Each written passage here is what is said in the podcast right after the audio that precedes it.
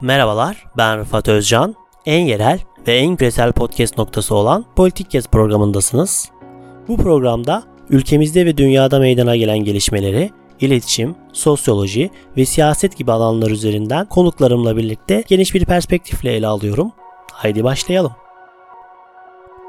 Merhabalar, Politik Kes Podcast programına hoş geldiniz. Bugünkü konuğum Ozan. Ozan ile daha önce Rand Corporation'da çıkmış olan ilan edilmemiş savaş ABD-Türkiye makalesini konuşacağız ve AK Parti dönemindeki bu ilan edilmemiş savaşın kırılım noktalarını ve bundan sonra neler olabileceğini, geçmişteki ABD-Türkiye çıkarlarının çatıştığı noktaları konuşuyor olacağız. Ozan programa hoş geldin. Teşekkür ederim. Merhabalar, hoş bulduk. Öncelikle yani bu makale Rand Corporation'da yayınlanıyor.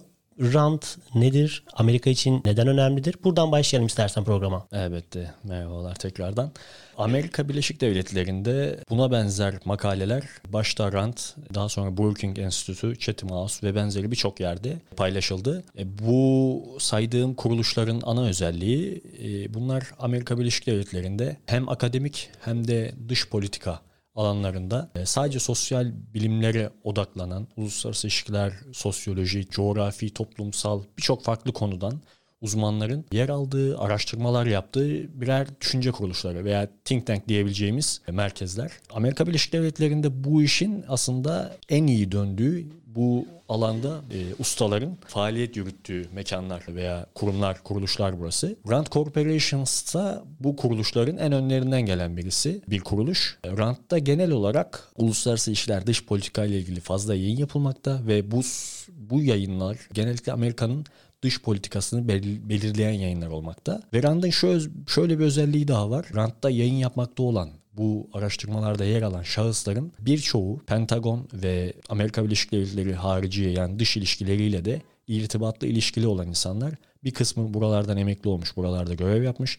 Bir kısmı ise hala muazzaf olarak görev yapabilen şahıslar oluyor. Ama tabii rant bünyesi altında e, faaliyetlerini yürütüyorlar. Peki burada kalende başında olduğu gibi ilan edilmemiş savaş derken burada iki ülke arasındaki bu kavram neden kullanılma ihtiyacı hissedilmiş? Yani bu ilan edilmemiş savaşı makale nasıl açıklıyor? Sen nasıl bunu yorumluyorsun? Buradan devam edebiliriz istersen. Tabii ki. Şimdi ilan edilmemiş savaş mevzusu son özellikle 2010'dan sonra Türkiye'nin dış politikada seyretmiş olduğu bir takım stratejilerle beraber Amerikan yörüngesinden veya Batı yörüngesinden çıkmış olduğunu gösteriyor. E bu çıkma da Amerika ile beraber bir takım uluslararası anlamda ve bölgesel anlamda krizlere sebebiyet açıyor. Bu krizlerin içeriğinde de gerek liderler arasında olsun, gerekse ülkenin hariciye birimleri ve diğer kuruluşlar arasında olsun sıkıntılar baş gösteriyor ordu ordu mensupları arasında, istihbarat organları arasında ve ve benzeri birçok problem yaşanıyor. Kısacası tüm bu yaşananlara, bu çıkmazlara verilen addır, isimdir ilan edilmemiş savaş. Nicholas Stanford isimli bir Amerikalı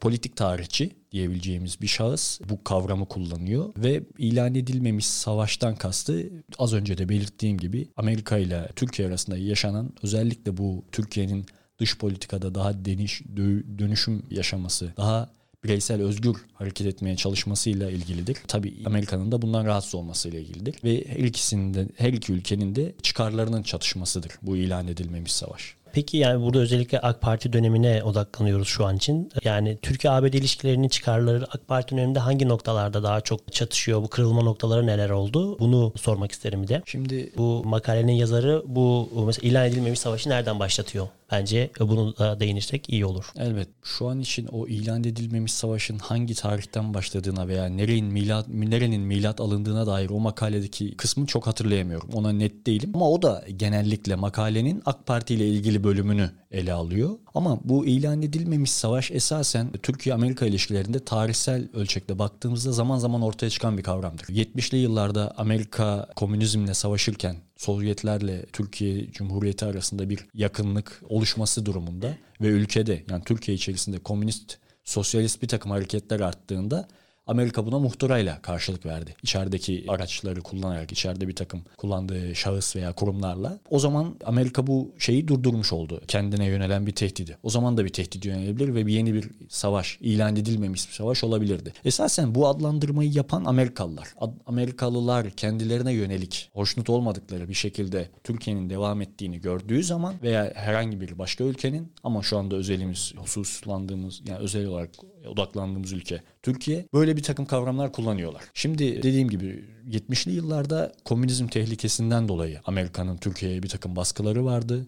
Hakeza Kıbrıs meselesiyle ilgili de Kıbrıs'ta müdahale olduktan sonra Türkiye müdahale olduktan sonra adaya asker çıkarttıktan sonra Amerika'nın ciddi yaptırımları oldu. 80'li yıllarda Turgut Özal varken yine Amerika her ne kadar Özal Amerika ile yakın bir ilişki kurmuş olsa da Özal aynı zamanda alternatif ilişkiler de kovalayan bir liderdi. O dönem gene Rusya ve diğer bölge ülkeleriyle özellikle de Türk, Türk coğrafyasına açılma politikası gibi politikalar izlediği için Özal da rahatsız edici bir strateji üretmişti.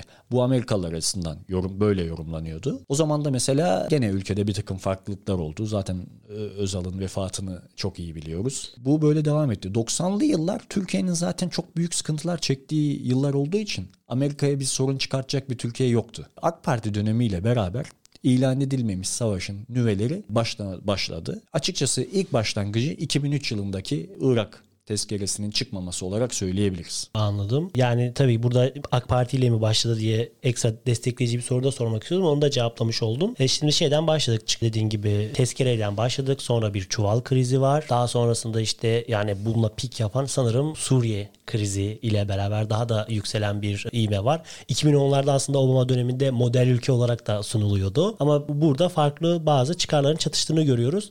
Özellikle AK Parti dönemine odaklanacak olursak bu iki ülkenin çıkarlarının çatıştığı noktaları neler olarak sayabiliriz? Şimdi AK Parti döneminde çıkarların çatıştığı çok fazla husus var. Özellikle 2010'dan sonrasında daha fazla şey konuşuruz ama başta bu Irak tezkere meselesi Amerikalıların özellikle unutamadıkları bir mesele olarak tarihsel anlamda da karşımıza çıkmakta. O dönem Amerika Irak'ı işgal ederken İncirli güçsünü kullanmayı kafaya koymuş ve bunun onayına kesin gözüyle bakıyordu. Türkiye buna kesinlikle müttefik olarak onay verir gözüyle bakıyordu. Açıkçası o dönem iktidar da buna biraz yakındı. Yani özellikle Başbakan Erdoğan o dönem başbakan olduğu dönemde çok yakın davranıyordu. Bu karara onay vermeye yakındı. Ama o dönemki siyasi bir takım koşullar ve parti içindeki bir takım istişareler sonucu parlamentodan bu olay reddedi, geçmedi. bunun da tabii Amerikan-Türkiye ilişkilerine bir yansıması oldu yani. Amerikalılar bunu unutmadılar. Yıllar boyu bu mesele Amerika ile Türkiye arasında gerilimleri oluşturan bir nüve olarak hep hatırlandı. Bu birinci söyleyebileceğimiz mevzu. Bunun haricinde 2010'a doğru giderken Türkiye tabii e, iç politikada ve dış politikada olabildiğince aktif seyir izledi. Özellikle dış politikada dış politikada çok fazla odaklanıldı bazı konulara. Dış politikada özellikle yakın coğrafyaya çok fazla odaklanıldı. Orta Doğu ile ilişkiler, Arap ülkeleriyle ilişkilerde AK Parti elinden gelen tüm çabayı göstererek tabii o dönemki stratejilerde de geçtiği üzere işte e, sıfır sorun politikası ve benzeri bir takım şeyler kullanıp bölgeye açıldı. Tabii o dönem bunlar neo-Ottomanizm vesaire olarak da dillendirildi strateji anlamında. Tabi bunlar da Amerika'yı rahatsız eden önemli unsurlardı. Çünkü Amerika Orta Doğu'da nereden bakarsanız bakın 90'lı yıllardan 2015'e hatta 2012'ye kadar tek hakimdi diyebiliriz. Türkiye gibi geçmişte emperyal bir tarihe sahip olan bir ülkenin tekrar bu coğrafyaya açılması Amerika'yı rahatsız etti. 2010'lu yıllara geldiğimizde ise Türkiye hem Arap ülkeleriyle ilişkiler anlamında hem ticari ilişkiler anlamında Avrupa Birliği ile de gayet iyi bir konumdaydı. Ta ki Arap Baharı'na kadar. Hatta o dönemlerde Türkiye Cumhuriyeti birçok Arap ülkesi için örnek alınan model ülke olarak gösterilmişti. Amerika Birleşik Devletleri'nde de bu yönde analizler yapılıyordu. Biraz önce bahsettiğimiz Rand Corporation, Brookings Institute ve benzeri araştırma merkezlerinde veya think tanklerde Türkiye'nin muhafazakar demokrat bir model ülke olabileceği, bu modelin bölgede bulunan diğer ülkeler tarafından benimsenmesi gerektiği gibi konular ele alınmıştı. Hatta şeyi de hatırlatayım ben de burada. Mısır'a gidip laikliğin çok daha şey yani korkulması korkulmaması gereken bir şey olduğunu da Erdoğan hatırlatmıştı. O da Türkiye iç siyaseti içinde böyle bir paradoksal bir durumdu. Onu da söyleyelim burada. Aynen. Burada çok güzel bir katkıda bulundun. Aynen. Doğru katılıyorum sana. O dönem Türkiye içinde çok sansasyon yaratmıştı bu. Erdoğan'ın gidip orada laikliğin e, savunuculuğunu yaptığı gibi birçok e, mecrada konuşulmuştu. Elbette yani bunlar hep Türkiye'nin o dönemki stratejilerinin bir parçasıydı. 2012 daha doğrusu Arap Baharı başladıktan sonra bu yangın bölgedeki tüm ülkeleri yaktı ve en son geldi Suriye'ye çattı. Suriye'deki olaylar zaten Türk dış politikasındaki daha so- birazdan değineceğimiz ilan edilmemiş savaşa gidilen yolun ilk e, basamaklarını veya ilk taşlarını döşedi. Suriye'deki kriz belki de coğrafya açısından baktığınızda en çok Türkiye'yi etkilemiştir. Türkiye ciddi anlamda ekonomik, siyasi, kültürel birçok açıdan sorun yaşadı ve hala yaşamaya devam ediyor. İşte bu noktada Amerika Birleşik Devletleri ile bir krizde o bölgede hakim olacak olan güçler arasında çıktı. Özellikle terör örgütü PKK, PCK PKK, KCK ve PYD, YPG'nin hem siyasi hem silahlı unsurlarını sayıyorum bu arada. Onların bölgede aktif olma çabası ve Amerika'nın ona verdiği destekler ve bunların toplamında da Türkiye'nin Amerika karşısında aldığı bir pozisyon. E tabi bunların hepsi Türkiye ile Amerika arasında çok ciddi gerilimlere sebebiyet verdi. Ve bu ilan edilmemiş savaşın baştan daha güçlü yaşandığı konular veyahut da bağlantılar Suriye üzerinden ortaya çıktı, meydana geldi diyebiliriz. Bir de tabii çözüm süreci vardı o yıllarda. Çözüm sürecinin bitmesi, çözüm sürecinin bitmesiyle aslında PYD yani orada Türkiye aslında yani Suriye olayları başladığında Salih Müslim Türkiye'ye gelip gidiyordu. Yani Türkiye orada belki yani şu an güvenlik bürokrasisinde o tarz e, değerlendirmeler de yapıldığını biliyorum. Orada Türkiye'nin bir fırsat kaçırdığı da söyleniyor aslında PYD üzerinden. İşler buraya kadar gelmeyebilirdi. Ondan sonrası zaten Trump döneminde sert yaptırımlar oldu ve bu şu anda da Biden'la bir senedir kurulamayan bir ilişki var. Hatta Erdoğan son BM yani ABD New York'taydı ve Biden'la görüşemedi ve dönüşte de e, bundan yakındı ve biraz Rusya flörtü e, başladı diyebiliriz şimdi yavaştan. Şimdi de aslında şeyi de sormak istiyorum. Şimdi Erdoğan 3 tane başkanla konuştu, çalıştı bugüne kadar. Hem hatta 4 başkanla özür dilerim. Bush, Obama, Trump ve Biden. Bu yani Biden dönemini şu an için ne kadar değerlendirebiliriz emin değilim ama bu 3 başkanla e, Türkiye'nin çalışma e, şeyini nasıl değerlendirirsin? Yani çalışmasını nasıl değerlendirirsin? Bu dönemler arasındaki farklılıklar neler olabilir? Yoksa yani başkan değişse de aslında Türkiye ile ilişkiler çok değişmiyor mu? Bu esasen birçok ülkenin istişare tartıştığı bir konu ve kanallarda istişare edilen bir konu. Şimdi özellikle de Alman Başbakanı Merkel'in görevi bırakmasından sonra aynı şekilde o da dört başkanla çalıştı. Hemen hemen dört başkanla çalıştı aynen. Onunla ilgili de mesela bugün okuduğum bir analizde hangi başkanla, hangi Amerikan başkanıyla Merkel nasıl uyum sağladı, nasıl uyum sağlayamadı gibi bir analiz yapılmıştı Deutsche Welle'de. Amerika ile ilişkilerde Türkiye'nin de tabii ki de hem sorun yaşadığı hem de esasen çok iyi olduğu bir dönem yok. Sürekli bir e, gerilimin olabileceği, gerilimin çok yüksek olabileceği, çok orta düzeyde olabileceği bir dönem geçirdi. Bu dört başkanla Türkiye. Bush döneminde e, dediğimiz gibi Bush Afganistan'ı işgal etti, Irak'ı işgal etti. E, Türkiye her ne kadar müttefik de olsa işgal edilen bu coğrafyalarla bir bağı var. Tarihsel bir bağ. Aynı zamanda etnik olarak da dini olarak da bir takım bağlantılar var. E bu sebepten tabii ki de Bush dönemiyle bir takım sorunlar yaşandı bu anlamda. Özellikle de Irak'taki tezkerenin kabul edilmemesi Türkiye'yi Amerika'nın hedefine koyan bir yere getirdi. Obama dönemi açıkçası tüm dünyanın, Türkiye ile beraber tüm dünyanın birçok beklentide olduğu bir dönemdi. Ama bu beklentilerin ne kadar karşılandığını değerlendirecek olursak Türkiye açısından ciddi anlamda fiyasko diyebiliriz. Obama döneminde ilk ziyaretini Türkiye'ye gerçekleştirmiş olmasına hatta çok sıcak mesajlar verilmiş olmasına rağmen Obama ve Erdoğan arasında e, ciddi bir bağ kurulamadı. Ciddi bir ilişki tesis edilemedi. Nizam Amerika'nın yerleşik nizamı her zamanki gibi çok iyi çalıştı o dönemde ve o dönem Arap Baharı'nın da etkisiyle esasen bölgede Amerika'nın istediği gibi gitti birçok şey. Burada bir parantez açmak istiyorum. Aynı zamanda İsrail'in de çok iyi istediği bir şekilde gitti. Çünkü Arap Baharı Müslümanları birbirine daha doğrusu Müslüman ülkeleri birbirine kırdırdı. Arap Baharı öncesi oluşabilecek model ülke olma veyahut da birlik olabilme gibi bir takım söylemlerin tamamıyla yıkılmasına yol açtı. Bu sebepten bundan en çok mutlu olan ülkeler Amerika, İsrail oldu. Hatta Arap Arabistan vesaire gibi ülkelerin de mutlu olduğunu söyleyebiliriz. Çünkü eğer Arap Baharı başarılı olmuş olsaydı, bölgede bir takım demokratik rejimler yükselmeye başlasaydı, Hüsnü Mübarek'in Mısır'da gittiği gibi Suudi Arabistan'da, Bahreyn'de, Birleşik Arap Emirlikleri'nde de birçok kral şu andaki koltuğunu belki de kaybedecekti. Amerika Birleşik Devletleri biraz da bu yüzden zaten Arap Baharı'nın bu gidişatını kendi lehine çevirebildi. Ama bu gidişat Türkiye aleyhine çok şey getirdi. Öncelikle Suriye krizi. Az önce de bahsettik. Her ne kadar ciddi e, beklentilerle Suriye krizi yani daha doğrusu pozitif beklentilerle Suriye krizinin biteceği veya çözüleceği beklense de Türk e, siyasi iktidarı ve Türkiye'yi o dönem e, yönetenler tarafından maalesef bu da böyle olmadı ve ortaya çok daha büyük bir kaos, çok daha büyük e, denklemler girdi ve Türkiye maalesef burada bu tabiri kullanmayı istemiyorum ama bataklık içerisinde ciddi bir yara aldı. Trump dönemine geçecek olursak Trump döneminde de esasen Trump zaten ülkeyi ve devlet yönetimini çok iyi bilmediği için e, devletin yönetimi Amerika'daki müesses nizam tarafından bir şekilde yürütüldü. Ondan yana bir sorunları yoktu zaten Amerikalıların. Ama Trump başlı başına sorunlu bir tip. Dış politikayı bilebilecek veya yürütebilecek bir kapasitesi olmayan bir tip. Ee, bir takım daha doğrusu ülkeyi şöyle yönetti ticari faaliyetler açısından ülkeyi yani iş adamı gibi yönetti. Bunun Amerika'ya ciddi kazanımları da oldu bu arada. Amerika'yı içe kapattı, aynı geçmişte Monroe doktrinindeki olduğu gibi bir takım şeyler yaptı ve Amerika'nın ticari kazanımlarını daha doğrusu iktisadi kazanımlarını yükseltti.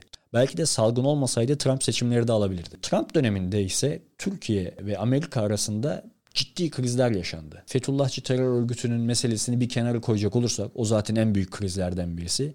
Bunun yanında Rahip Branson olayı, Halkbank'la ilgili olaylar ve en son ve en önemlilerinden bir tanesi de PKK-PYD örgütlerine tırlarca, milyonlarca dolarlık silah yardımlarının yapılması. Türkiye yetkilileri hatta birinci ağızdan Cumhurbaşkanı başta olmak üzere her görüşmesinde, her konuşmasında bunu şikayet etse de, bundan dert yakınsa da maalesef bundan Trump döneminde kaçılmadı, kaçınılamadı. Ve Trump döneminin Pentagon'u ve müesses nizamın bir takım kurumları PKK'ya daha doğrusu Türkiye'nin düşmanı olduğu tüm gruplara Suriye'de ve bir takım başka bölgelerde destek çıktı.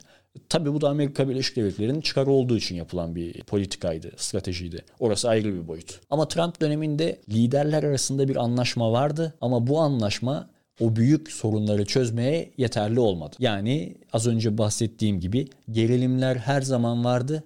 Trump, Erdoğan gerilimleri düşültücü veya orta seviyeye çekici bir rol oynadılar ama o gerilimler hiçbir zaman bitmedi. Biden dönemine geçecek olursak kesinlikle Biden dönemi gerilimlerin yüksek olacağının habercisiydi. Bu kaçınılmaz bir şekilde böyleydi. Obama'nın başkan yardımcılığını yaptı Biden biliyorsunuz. O dönemde zaten Biden'ın Türkiye ile Türkiye'ye yaklaşımı, Türkiye ile ilişkileri bir takım açıklamalarda da yer aldığı üzere çok da müspet görünmüyordu. Bu sebeple Biden göreve geldikten sonra da Türkiye ile bir anda gerilimlerin düşmesi veyahut da daha makul bir seviyede ilişkinin tesis edilmesi mümkün görünmüyor. Görünmüyordu daha doğrusu. Erdoğan'ın son yaptığı açıklama da bunun özeti e, nihayetinde. Dediği gibi ben hiçbir başkanla böyle bu derece sıkıntı yaşamadım ama Biden'la bir türlü anlaşamadım diyor özetle o açıklamasında. Maalesef bu açıklamanın karşılığı budur ve muhtemelen Biden görevde kaldığı müddetçe ve Biden'ın zihniyeti bu yapı görevde kaldığı müddetçe Türkiye ile gerilimler düşük seviyede olmayacaktır. Orta ve üst seviyelerde seyredecektir. Burada da aslında şimdi bir sonraki soruda da yani aslında bu çıkarlar niye bu kadar çatışıyor? Bu yani bunun daha çok e, sistemik olarak nedenlerine e, odaklanalım istiyorum. Ya AK Parti dönemine baktığımızda yani 2010'lu yıllara kadar aslında e, daha e, açı yine yani her iki dönemde açılımcı bir dış politika yani dışa e, yönelik açılımcı bir dış politika var. İlk 2010'lu yıllara kadar biraz daha soft power'ın kullanıldığı işte e, İsrail ile Suriye arasında ikili ara buluculuk yapıldığı, başka ülkelerle iyi ilişkilerin geliştirildiği ve tırnak içinde sıfır sorun politikasını yürütüldüğü yıllar olarak e, görebiliriz 2010'lu yıllara kadar. Daha sonra özellikle burada kırılma noktası senin de dediğin gibi Suriye Savaşı. Suriye Savaşı'ndan hatta yani Orta Doğu'da Arap Baharı olurken Türkiye çözüm sürecini yani bu Türkiye'ye yansımaması adına yani bir stratejik bir adım olarak çözüm sürecini yani 2005'li yıllardan başlattığı zihniyetle 2013 yılında çözüm sürecini başlattı. Ama daha sonrasında Türkiye özellikle 15 Temmuz darbe girişiminden sonra da hard power'ını artık dış politikada kullanmaya başladı. Suriye'de 4 tane askeri müdahale oldu. E şimdi Libya'da Türkiye'nin dahil olduğu çeşitli silahlı şeyler oluyor. Yani İHA'lar ve SİHA'lar üzerinden. En son bunu Azerbaycan'da gördük.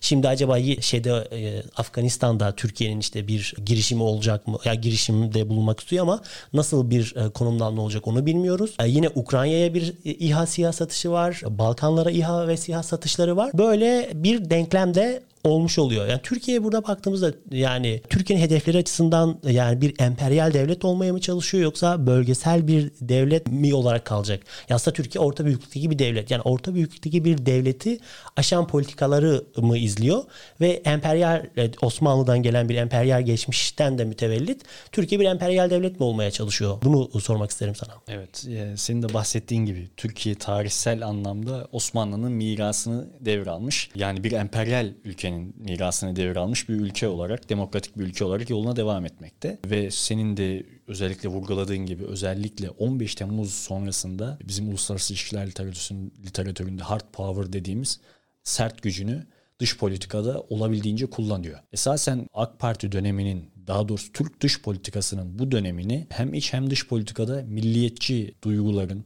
milliyetçi stratejilerin yükseldiği ve her alana yansıtılmaya çalıştığı bir dönem olarak vurgulayabiliriz, söyleyebiliriz. Emperyal devlet olma noktasında Türkiye'nin her daim bölgede bölgesel bir güç olma niyeti, arzusu vardı. Bu Özal döneminde de vardı. Daha geçmişte de vardı. Tabii ki de bu tarihsel bir miras almanın getirdiği bir e, sorumluluk da diyebiliriz.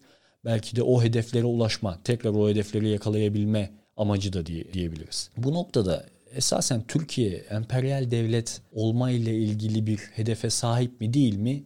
Ben çok o noktada olduğunu düşünmüyorum. Emperyal devlet olabilmek, süper güç olabilmek şu andaki uluslararası ilişkiler sistem şartlarında öyle her baba yiğidin yapabileceği bir ulaşabileceği bir hedef değil. Ki burada en önemli şey yani Türkiye'ye getirilen eleştirilerden biri ekonomik. Yani askeri altyapısını ekonomiyle desteklemesi gerekiyor. Yani Türkiye'nin aslında hedeflerini ekonomiyle destekleyemediği için altının tırnak içinde boş kaldığı eleştirileri yapılıyor. Aynen öyle. Gene çok güzel bir noktaya değindin. Şu anda geçmiş süper güçlerden saydığımız şu andaki orta ölçekli güç olarak Rusya çok askeri güç anlamında gayet iyi bir konumda.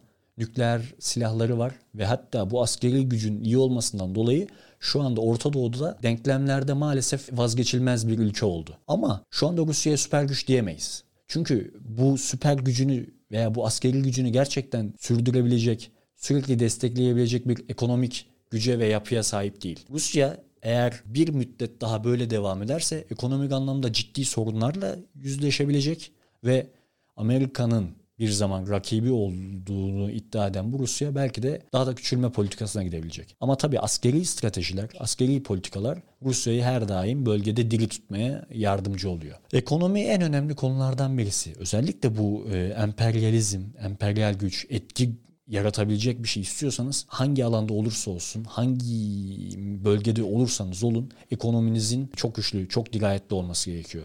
Şu anda bunu yapabilen bir güç varsa o da Çin'dir. Emperyal güç olma noktasında geçmiş tarihinin de verdiği bir takım yardımlarla Çin şu anda böyle bir adım gerçekleştiriyor. Aslında ben şimdi emperyal güç derken yani bir süper güç olmaya çalışıyor e, kastetmiyorum orada. Yani şimdi Türkiye işte orta büyüklükteki bir devlet bölgesel bir güç olmaya adaydır e, genel olarak. Yani bölgesel derken Türkiye için ne söyleyebiliriz? İşte Kafkaslar'da, Balkanlar'da ve Orta Doğu'da yani yakın coğrafyasında etkili olabilecek bir ülke olarak konumlandırabiliriz. Ama Türkiye'nin işte şu an mesela e, en güncel olduğu için mesela Afganistan'a bir yakınlaşması ya da Afganistan politikasının e, politikasını konuşuyoruz yani. Kabil, Kabil Havalimanı'nı kontrol etsin mi? Ya da işte e, Birleşik Arap Emirlikleri ve Katar üzerinden acaba gelecekte bir ara buluculuk mu oynayacak gibi tartışmalar yapılıyor. Ya da Afrika'ya yoğun bir şekilde Türkiye'nin e, yatırım yatırımları var. Somali'de bir askeri üstü var Türkiye'nin. Bundan dolayı acaba yani emperyal derken tam anlamıyla bir süper güç olmaktan ziyade yani o kendisine biçilen rolü daha da aşan bir şeyler mi yapıyor? Yapıyor aslında ama bunun nihai sonucu nereye varacağı sormak istemiştim biraz da. Tabii anlıyorum. Şöyle Türkiye elbette ki söylediğin gibi kendine biçilmiş rotanın birazcık daha dışına çıkmak istiyor. Bu çok normal. Ve gene bu tarihsel bağlarla bağlantılı bir konu. Elbette Türkiye Azerbaycan'daki Karabağ Savaşı'nda gösterdiği destek, Libya'daki aldığı bir takım pozitif geri dönüşler ve Suriye'de sahada bulunduğu ve elde ettiği bir takım zaferlerden dolayı Bunu daha da farklı bölgelere taşımak istiyor. İşte Somali'de bu yüzden var. Katar'da bir üssü var. Afrika'da özellikle ilişkilerini daha da arttırıp daha da fazla etki unsuru olmak, etki eden etki edebilen bir güç olmak istiyor. Bu da çok normal. Bu bölgede çünkü bunu yapabilecek birkaç tane ülke var. Bunlardan birisi Türkiye, birisi İran. İran şu anda içinde bulunduğu durumdan dolayı bu gibi noktalarda bazı yerlerde sıkışmış durumda. Şii hilali dediğimiz yerlerde ama İran'da hiçbir az, hiç azımsanmayacak kadar bölgede etkili olabilen bir devlet. Türkiye bu orta ölçekli gücünü bir nebze yukarı çıkartmaya çalışıyor. Bununla ilgili stratejiler üretiyor. Bu Afganistan'daki meselede de Türkiye elinden geldiğince Amerika'nın da vermiş olduğu, yaratmış olduğu bir boşluk sebebiyle tabii. Türkiye elinden geldiğince o bölgede aktif bir rol oynayıp kendi pozisyonunu hem ulusal hem uluslararası hem bölgesel denklemde daha kuvvetlendirmek istiyor. Bu da çok doğal. Bu noktada bir şey altını vurgulamak istiyorum. Az önce ifade ettiğim Amerika'nın bölgede oluşturduğu boşluk. Amerika Birleşik Devletleri ile ilgili özellikle 2017'den sonra, 2018'den sonra Suriye krizi başta olmak üzere Orta Doğu'da bir boşluğu var Amerika'nın. Bir güç boşluğu oluşturdu. Tam bu nokta aslında bunu yani bir sonraki sorun buydu aslında. Şimdi açtığın için hemen onu da sorayım. Sen oradan devam et istersen.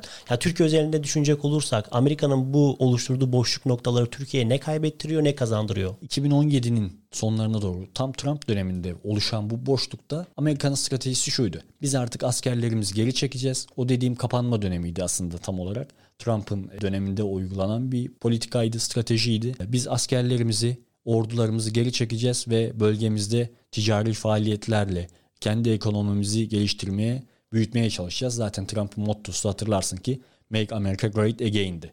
Ekonomik anlamda birçok şey içeriyordu esasen bu slogan. İşte bu noktada Türkiye'ye gelen avantajlardan birisi şu oldu. Türkiye bölgede yaptığı, Suriye'de yaptığı birçok e, birçok askeri harekatını bu boşluk sayesinde yapabildi. En baştaki Fırat Kalkanı, Zeytin Dalı, Bahar Harekatı vardı. E, ismini tam hatırlamıyorum ve dördüncü bir operasyon daha yaptı. Bunları yapabilmesinin ana sebebi Amerika Birleşik Devletleri'nin bölgeden bir nebze olsun o gücünü çekmiş olmasıydı. Bölgede bir boşluk oluştu. O boşlukta da Türkiye bu boşluğu iyi değerlendirip Rusya ile de o dönem bir takım istişareler ve müzakereler yaptı ve bölgede askeri olarak varlığını gösterdi. Yani sert gücünü, hard power'ını uygulamaya koydu. Hakeza Libya meselesinde de yine Amerika Birleşik Devletleri'nin Trump döneminde daha pasif rol izlemesi özellikle bu Orta Doğu coğrafyasında gene Türkiye'ye bir alan kazandırdı. Ve o dönem bu Amerika'nın e, izlediği pasif politikadan dolayı Yunanistan da çok fazla bir şey yapamadı. Biliyorsun Yunanistan'la Libya ve oradaki o deniz sahası kıta sahanlığı anlaşmaları vardı. Ve Türkiye bunu da çok iyi kullandı. Yine orada Libya ile yaptığı anlaşmayı bu boşluktan yararlanarak yaptı. Tabii bir takım avantajları saydık, dezavantajlar da var. Buradaki en büyük dezavantajlardan birisi Amerika bu boşluğu oluşturdu. Peki bu boşluğu kim doldurdu? E, Rusya doldurdu. Rusya bölgede söylediğim gibi belki de tarihinde ilk defa bu kadar etkin, bu kadar aktif bir askeri güç varlığıyla bölgede hazır ve her türlü savaşa da ben varım diyor. Yani karşındaki karşıları, karşısındaki rakiplerine meydan okuyor bir bakıma. Zaman zaman Amerika'ya da okuyor. Burada gene bir parantez açmak istiyorum. Bu Amerika'nın bölgeden çekilmesi ve Rusya'nın etkinliğini arttırması da birçok uzmanın yorumlamasıyla da bu yönde okunabileceği gibi belki de iki ülkenin aralarında anlaştığı bir takım anlaşmalar sonucu oluşmuş, meydana gelmiş olabilir. Ama Rusya'nın bu kadar etkin olması Suriye'yi, Suriye'de Türkiye'yi bir takım sıkıntılara da soktu. Her ne kadar PKK terör örgütü olsa da Türkiye'ye göre, Rusya'ya göre değil. Hatta Rusya'da PKK'nın, daha doğrusu Moskova'da PKK'nın ofisleri, büroları var. Ve Rus ordu mensupları, bölgedeki Rus ordu mensupları PKK'lı veyahut da PEJAK'lı yani terör örgütü unsurlarıyla irtibat halinde. Bu tabii Türkiye'nin istemeyeceği bir şey. Bu da dezavantajlardan bir tanesi. İkinci bir dezavantaj bölgeden çekilmiş olması Amerika'nın İran'ı da biraz hareketlendirdi. Özellikle Obama'nın yani Obama dönemindeki geri çekilmenin İran'ın fazlasıyla önü açıldığı eleştirisi yapılıyor mesela. Buna Aynen. katılır mısın? Kesinlikle katılıyorum. Yani e, o dönem İran'ın şu anda Irak'ı İran yönetiyor yani baktığın zaman. O dönem İran'ın kazandığı birçok kazanım var. İran şu anda yönetiliyor olması, nüfus anlamında o Şii hilalini çizmiş olabilmesi İran'ın çok büyük kazanımlar ve Türkiye'nin dezavantajları. Bunda işte Obama'nın ve daha sonra Trump'ın devam eden bir takım çekilme politikalarının etkisi var. İşte o boşluklar bir yandan avantaj oluştururken Türkiye'ye bir taraftan da dezavantaj oluşturuyor Ve bunlar ciddi dezavantajlar Türkiye açısından. Bunun haricinde Türkiye tabii Amerika'nın çekilmesiyle beraber şöyle bir sorun da yaşadı esasen. Amerika ister istemez bölgede başat aktördü. Herkesin dikkat ettiği ve onun sözüne göre hareket edeceği bir aktördü. Amerika'nın çekilmesinden sonra Arap ülkeleri ve Orta Doğu'daki bazı ülkelerle ilişkilerinde de bir afallama dönemi yaşadı diyebiliriz. Ne çok iyi ilişki kurabildi ne çok gerginliği devam ettirebildi. Çünkü gerginlik devam ettirmek Türkiye'ye yaramayacaktı. Çünkü o bölgelerdeki ülkeler Rusya ile de irtibata geçtiler. Rusya ile yeni ilişkiler ve irtibatlar tesis ettiler.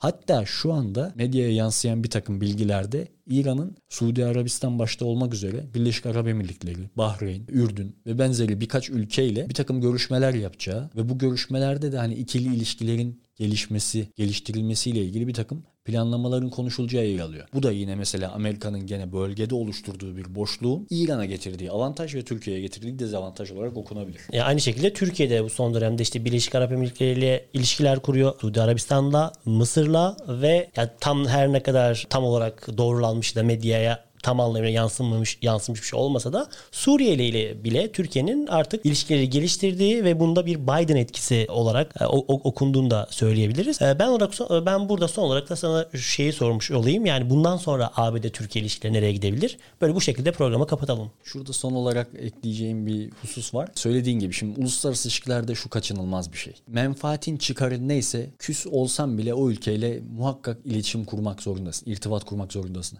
Mısır'la kanlı bıçaklıydık.